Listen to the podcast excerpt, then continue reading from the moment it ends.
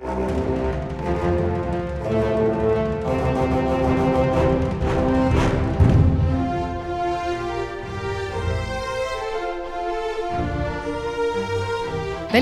til Frankrike forklart, en podkast der du får svar på alt du lurer på om Frankrike. Mitt navn er Kjersti Naukrust, og i dagens episode av denne podkasten skal vi snakke om en av Frankrikes fremste forfattere, kanskje den fremste av dem alle, nemlig Marcel Proust. Proust er først og fremst kjent for det store romanverket På sporet av den tapte tid, eller À la recherche du temps perdu, som den heter på fransk, som kom ut mellom 1913 og 1927. Dette monumentale syvbindsverket er oversatt til norsk av Annelise Amadou og revidert av Karin Gundersen. Prost oversettes jo til stadig flere språk og leses over hele verden. I Frankrike så er man svært bevisst på verdien av å forvalte Prost på en måte som sikrer hans posisjon og synlighet, og de senere årene har bydd på en rekke milepæler og markeringer i 2011 feiret man f.eks. at det var 150 år siden Prousts fødsel, med en stor markering, og i år, nærmere bestemt den 18. november, er det 100 år siden hans død, noe som har vært markert i Frankrike gjennom hele 2022 med utstillinger, seminarer og utgivelser.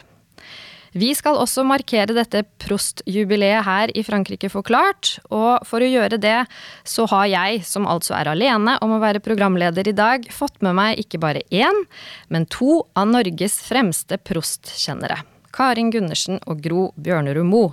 Velkommen begge to. Tusen takk. Tusen takk, Kjerstin. Karin jobbet som professor i fransk ved Universitetet i Oslo i en årrekke, og kan det meste om fransk litteratur og litteraturteori. Hun har skrevet artikler og bøker om Marcel Proust, og som nevnt har hun også revidert Annelisa Amadous oversettelse av På sporet av den tapte tid. Gro er professor i fransk litteratur ved Universitetet i Oslo og jobber med litteratur fra renessansen til våre dager. Hun har vært spesielt opptatt av forholdet mellom litteratur og historie, og har skrevet flere artikler om post.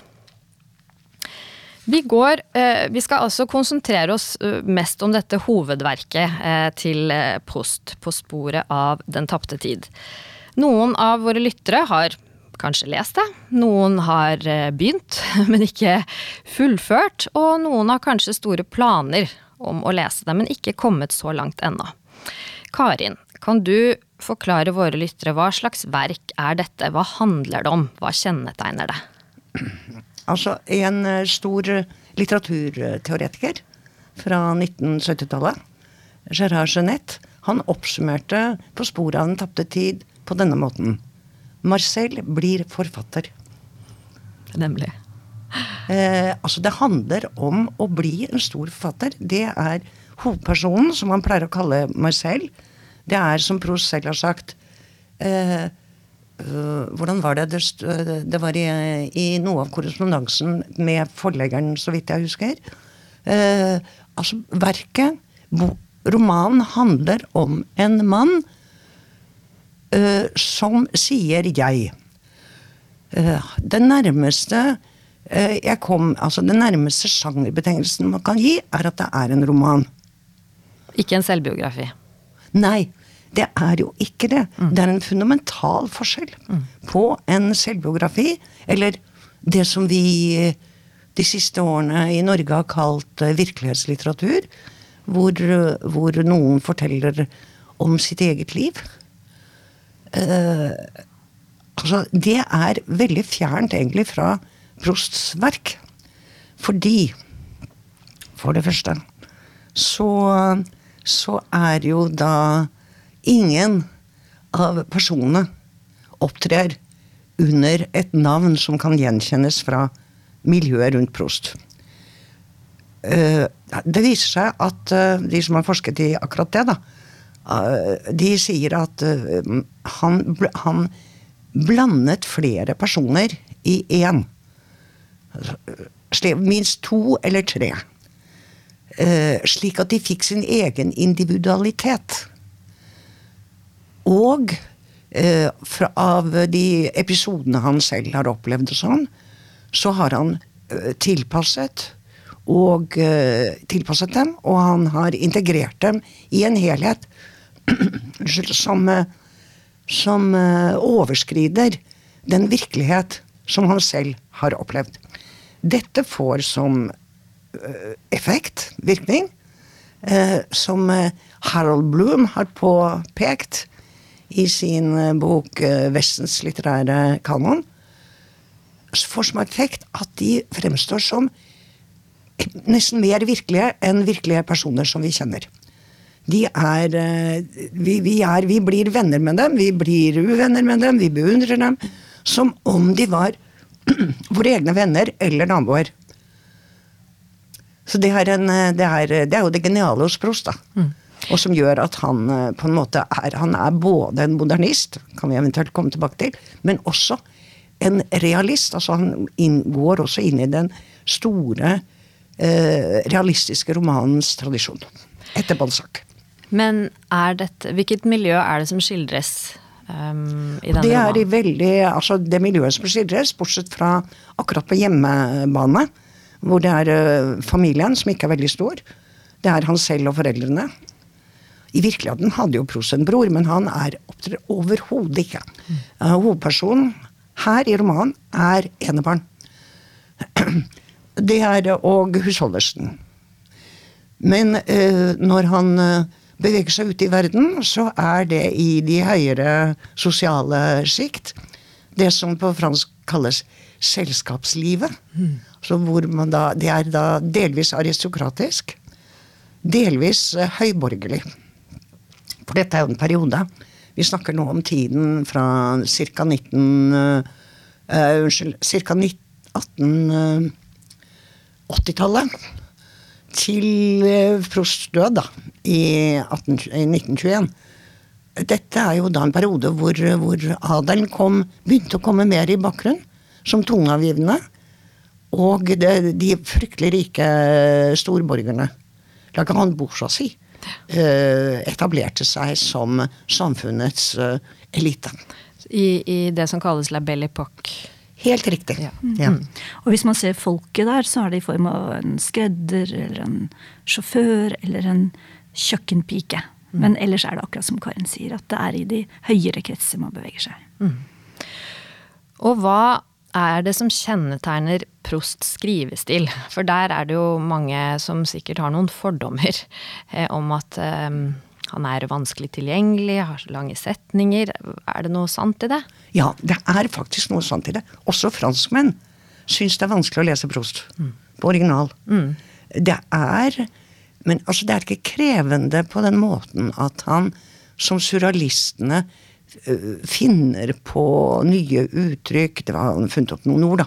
Men eller, eller uh, lar på en måte tanken bare flyte. Tvert imot. Det er veldig, det har jeg sett når jeg har uh, oversatt, det er veldig bevisst konstruert syntaktisk. Alt er korrekt. Grammatikk. Men det er uh, han skal, han, han skal ha så mange ting med i samme blikk, samme perspektiv. Altså, samme utsagn skal inneholde flere lag av virkeligheten. Og alltid den som snakker, hva slags forhold den som snakker, har til den han snakker om eller til. Og dette, det er jo det som gjør teksten veldig tett, men også utrolig spennende å dukke ned i. Uh, han er berømt for sine lange setninger, dvs. Si perioder. Han, uh, det kan jo gå en side fra punktum til punktum. Uh, og det det er klart at eh, noen syns det er trettende. Eh, vi er jo vokst opp, vi har jo lært på skolen her at vi skal skrive korte hovedsetninger. Mm. Um, korte hovedsetninger vil jo da, vil jo da arbeide mot akkurat det prinsippet om å favne alt på en måte i i én sveip. Mm. Uh, men uh, ja, det fins noen korte hovedsetninger hos Prost, blant annet den aller første. Ja, det skal vi snart eh, komme tilbake til. Gro, hva er det du har festet deg mest ved når det gjelder Prosts skrivestil? Det er eh, kanskje en setning som jeg hørte Eller noe, noe Pierre-Louis Rey, som er en av de store prostforskerne, sa for noen år tilbake.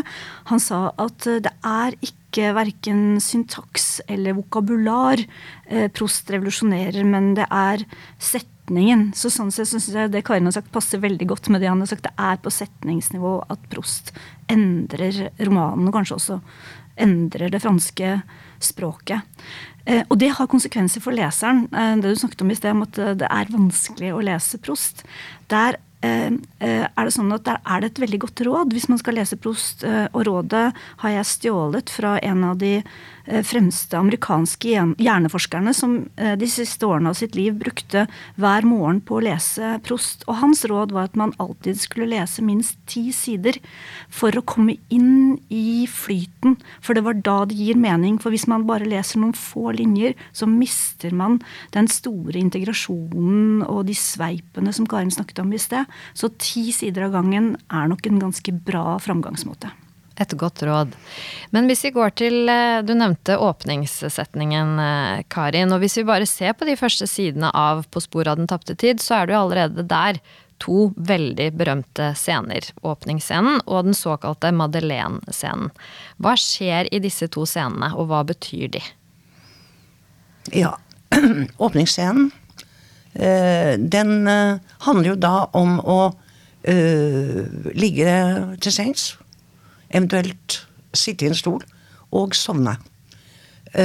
og våkne, og sovne igjen. og hvor han da mellom disse innsovning, oppvåkningsscenene, eller øyeblikkene, prøver å huske hvor han er, og hvem han er. Altså det er på, på, et sted hvor Han er da på et sted hvor bevisstheten er maksimalt fleksibel. Uh, hvor jeg er flytende.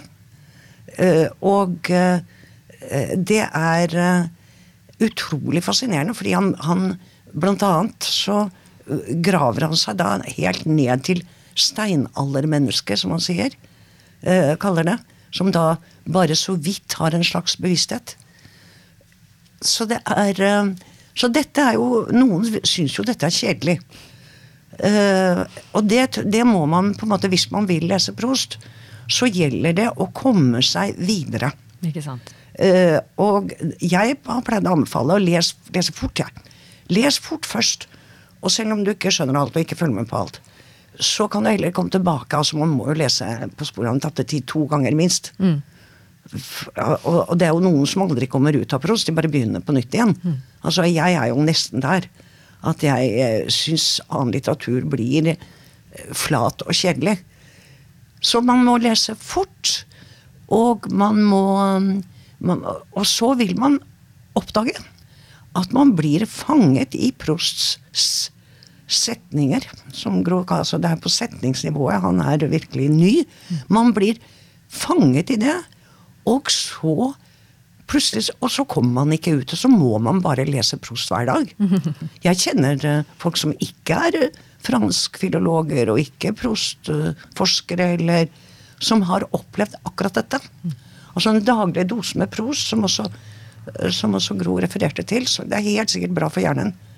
Det, er, det forebygger Alzheimer. Jeg kan anbefale alle å kaste seg over Prost for sikkerhets skyld.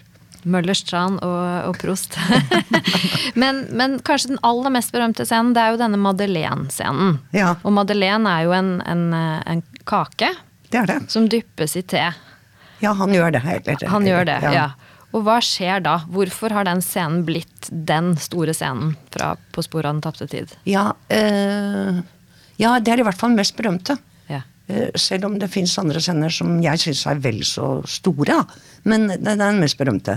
Og den er jo veldig påfallende også, fordi madeleinen det er jo da en kake som ligner på et skjell.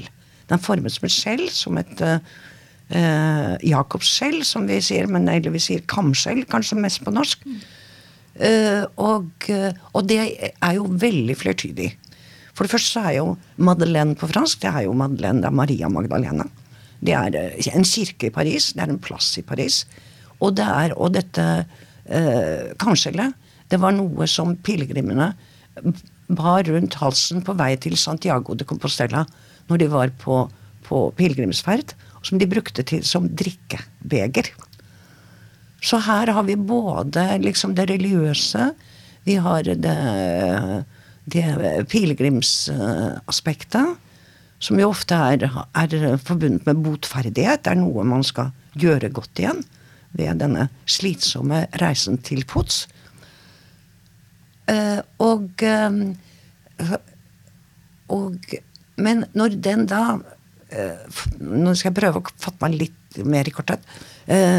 Når han da en, en kald vinterettermiddag kommer hjem til sin mor i Paris, og da er han en voksen mann.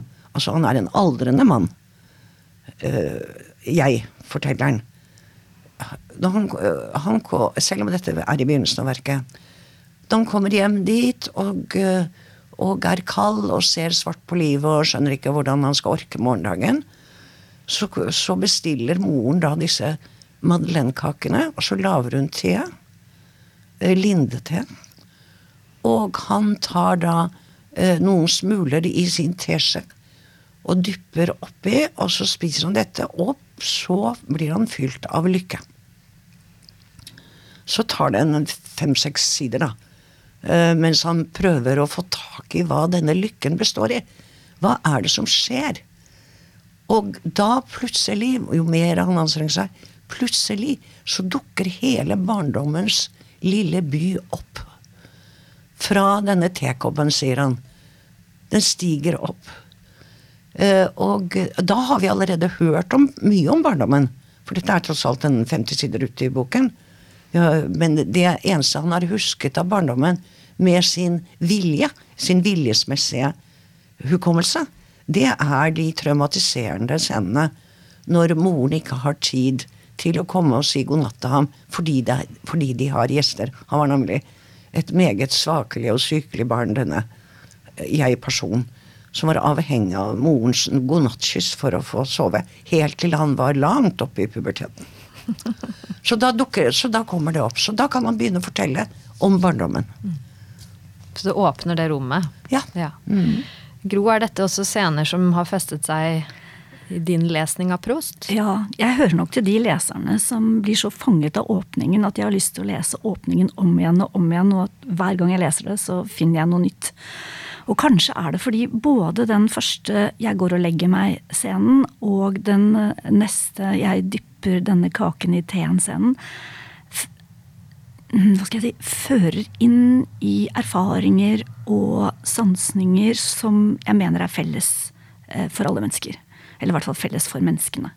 Eh, Det første er jo dette med at eh, når det gjelder Madeleine-scenen, at, at når, du, når du dypper Eller når du får tak i en sanseopplevelse fra tidligere tider, så kan du plutselig huske tiden sånn som den var eh, lang tid tilbake. Ting du hadde glemt fordi lukten eller smaken bare utløser det. Det tror jeg de aller fleste vil kunne kjenne seg igjen i. Så derfor mener jeg det er sånn grunnleggende menneskelige ting. Eh, Når det gjelder eh, Den første innsovningsscenen er jo også det, liksom, det å gå og legge seg. Det gjør vi jo alle, men det er jo ikke så mye romankunst som tar det som utgangspunkt. Men det Prost gjør, er at han, at han eh, for det første er han veldig oppdatert egentlig her på, på drømme- og søvnforskningen på denne tiden, men det kan vi la være. Men han, han beskriver akkurat den der utrolig fascinerende vekslingen mellom det eh, å være våken, og så tro at du fremdeles er våken, men ha sovnet. Og så våkne igjen, og så forstå at du faktisk har sovet, selv om du var sikker på at du var våken. Og at du gjennom den bevissthetsendringen, den misforståelsen av hva som er søvn, og hva som er eh, våken tilstand, har med deg elementer fra søvnen og drømmen opp i våken tilstand og ut i det vanlige livet. Hva det betyr at du kan ha et sånn dypdykk i nattens søvn og ha det med deg tilbake i livet, det er en annen helt grunnleggende erfaring i verket. Hvis vi går litt videre i, i verket, nå har vi snakket en del om begynnelsen. Gro, kan du si noe om hvilken rolle tidligere tiders litteratur og kunst spiller i Prost sitt verk? Eh, Jeg tror vi må si at Prost skriver et verk som fanger opp eh, alt som finnes omtrent av lange linjer i fransk litteratur og kultur, og at, at denne lange franske historien, den lange franske kultur- og kunsthistorien, den europeiske kulturarven, eh, som, som er hans referansegrunnlag. Og, og romanen handler handler kort og godt eh, om kunst. Men det finnes noen helt sånn enkle og veldig fine måter synes jeg, å forklare hvordan han gjør det på. For så er det sånn at altså Dette er en roman hvor man går på tur. Og det er en roman hvor man går så mye på tur at været skifter. Man går lange turer. Eh, og da kan Prost beskrive sånne helt fantastiske scener av hvordan du har kommet, blitt liksom overrumplet av regnet, eh, søkt ly for, eh, for, for været. Uh, inntil en gammel kirke eller en, ja, en, en, religiøs bygning. Og så kan han plutselig bare bli slått av hvordan det er å stå der omgitt av apostler i kjortler og føle at de er dine samtidige. Så det er sånne veldige tidsreiser og tidsspenn som sanses der og da, eh, og som får regnet til å bli borte, og, eh, og, og eh, kirkefasaden til å bringe deg tilbake til en fortid som ellers ville vært helt tapt. Mm.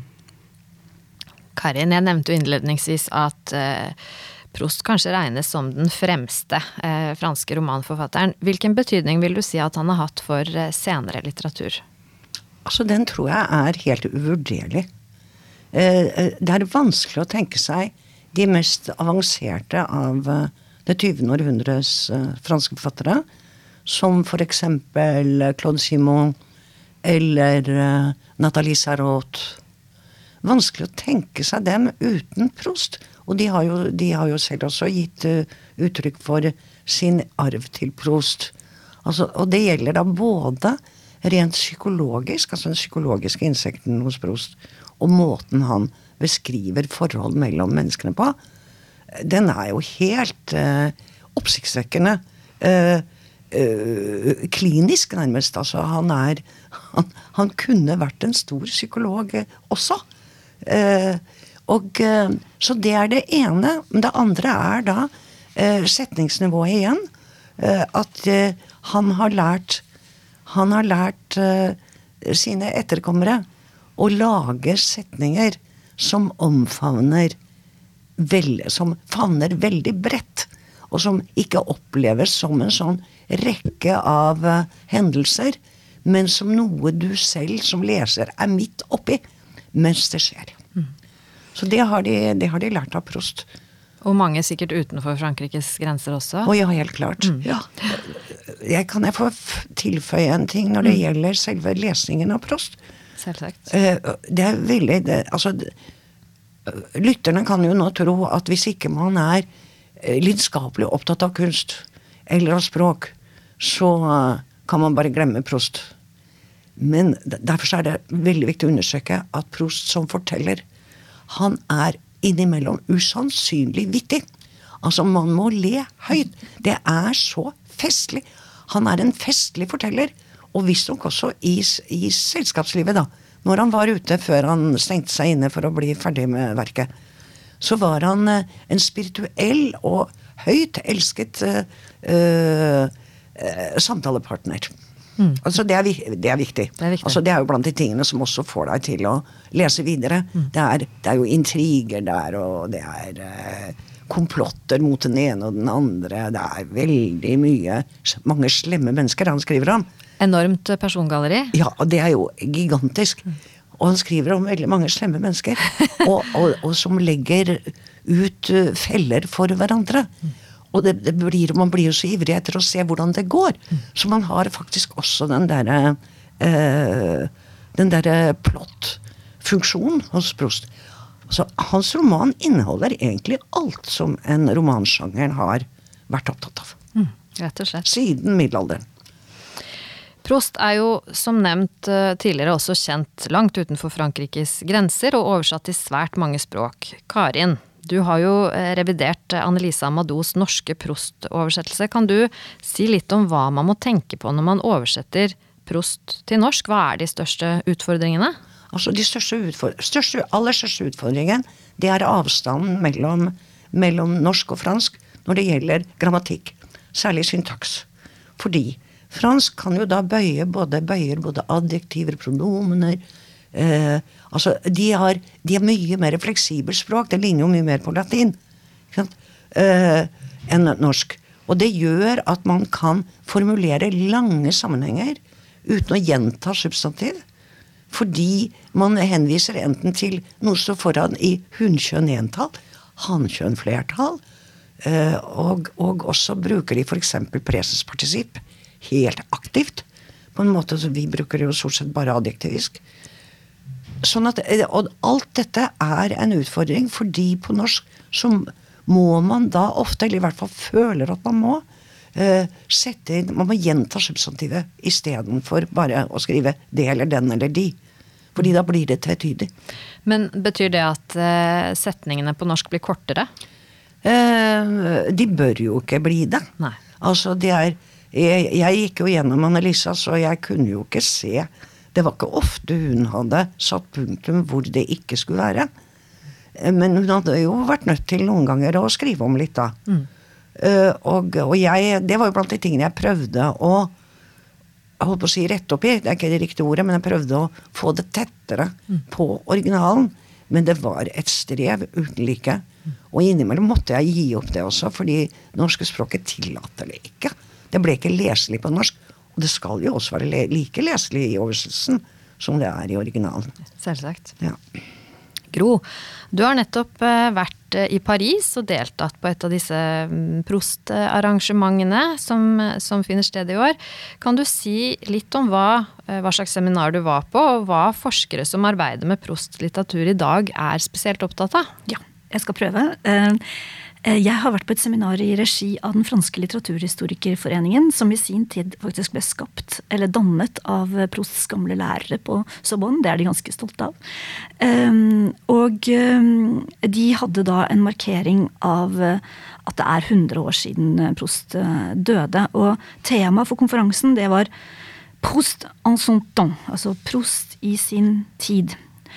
Og før jeg går videre, så må jeg kanskje si at dette er kanskje prostforskningen i Frankrike på sitt aller mest eh, Sorbonne-lignende. Altså det har eh, noen veldig eh, klassiske eh, klassiske sider ved seg. Eh, og det betyr også at de internasjonale forskerne som var som var invitert, er, er veldig anerkjente eh, forskere. Så det kan, det kan være noe at jeg ikke liksom, det kan være ting jeg virkelig ikke har fått fanget opp gjennom å være der. Men jeg hørte et tyvetalls eh, forelesninger i løpet av eh, et par dager. Og ehm, egentlig så er det det er, det er på en måte Prost som holder det sammen. Fordi Prost sier jo hele tiden, eller forteller oss hele tiden, at eh, at eh, de tingene vi kan huske om fortiden, eller fortidens eh, eh, øyeblikk, de er ikke ubevegelige. De er i bevegelse. Og kanskje var det det det seminaret handlet om. Og det var et par-tre hovedtendenser.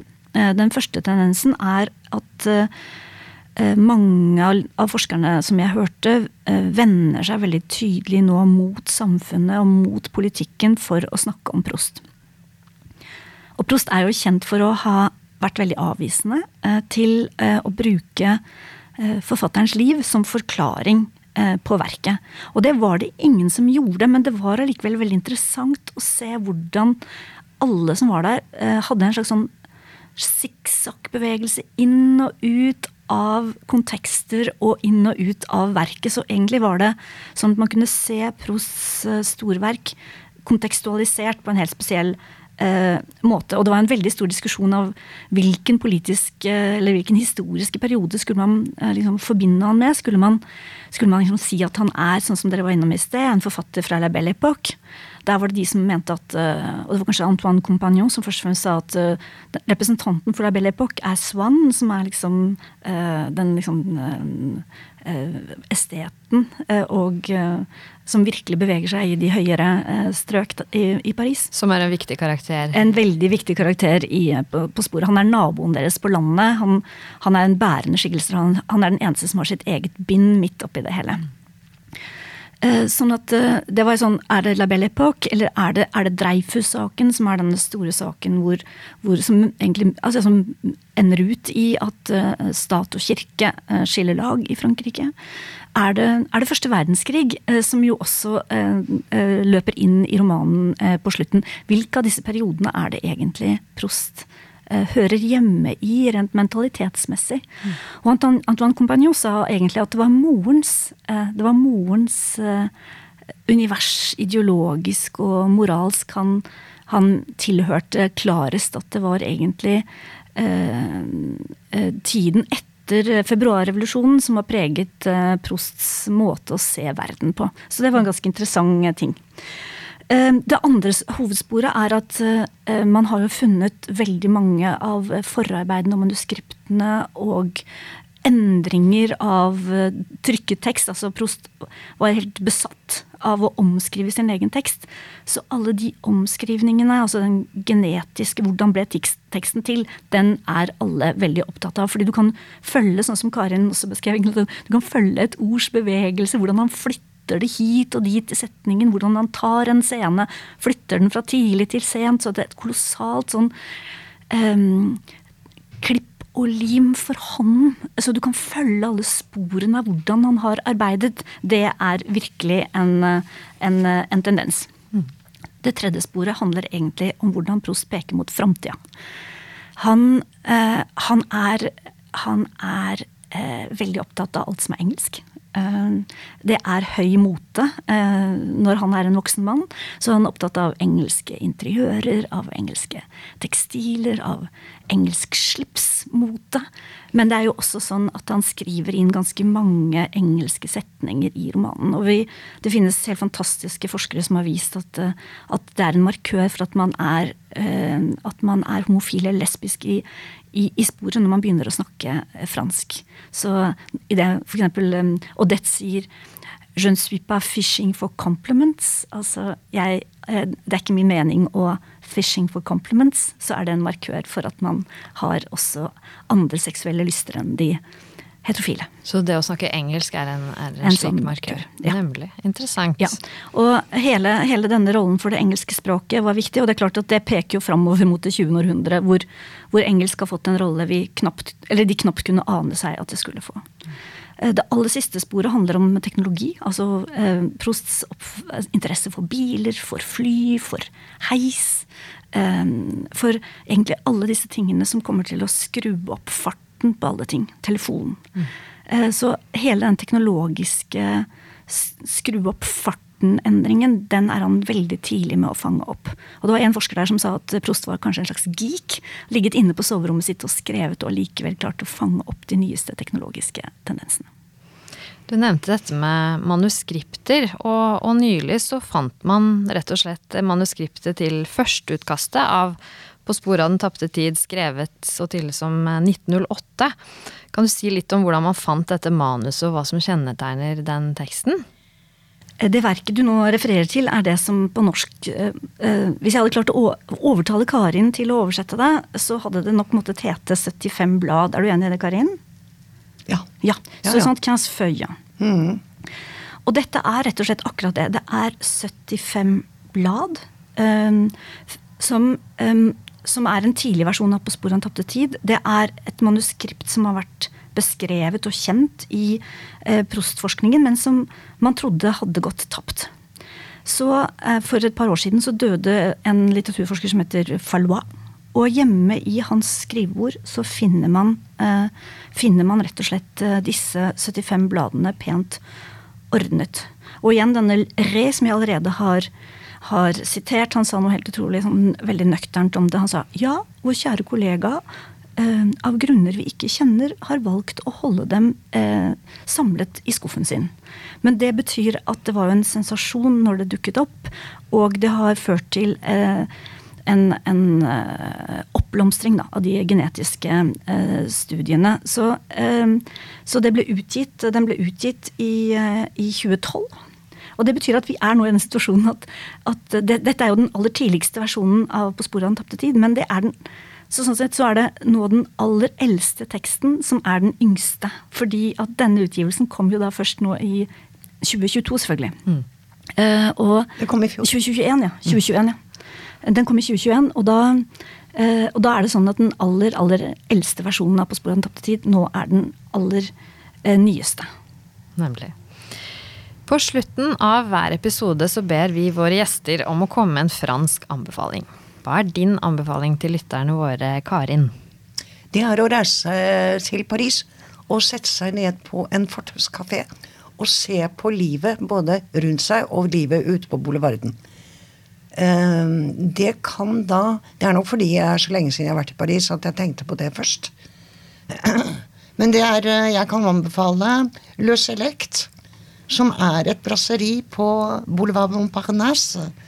Eh, og hvor man har da utsikt, altså hvor man både har uh, spennende mennesker rundt seg, og man har utsikt tvers over boulevarden til La Copole, som jo er mye mer berømt, men som er veldig turistifisert. Så gå heller på løs select. Et herlig råd. Gro, har du også en anbefaling? Hvis vi er på Paris, så er kanskje um, Musée de l'Homme uh, et museum jeg tenker man skal gå og se uh, i våre dager. Fordi der har man samlet egentlig naturhistoriske uh, objekter og historien om mennesket i samme museum. og det forteller en historie om verden og om menneskene som har en aktualitet. alle kan bli opplyst av å møte. Nydelig. Da gjenstår det bare å takke våre gjester Karin Gundersen og Gro Bjørnrud Moe, og så høres vi igjen i neste episode av Frankrike forklart. Au revoir!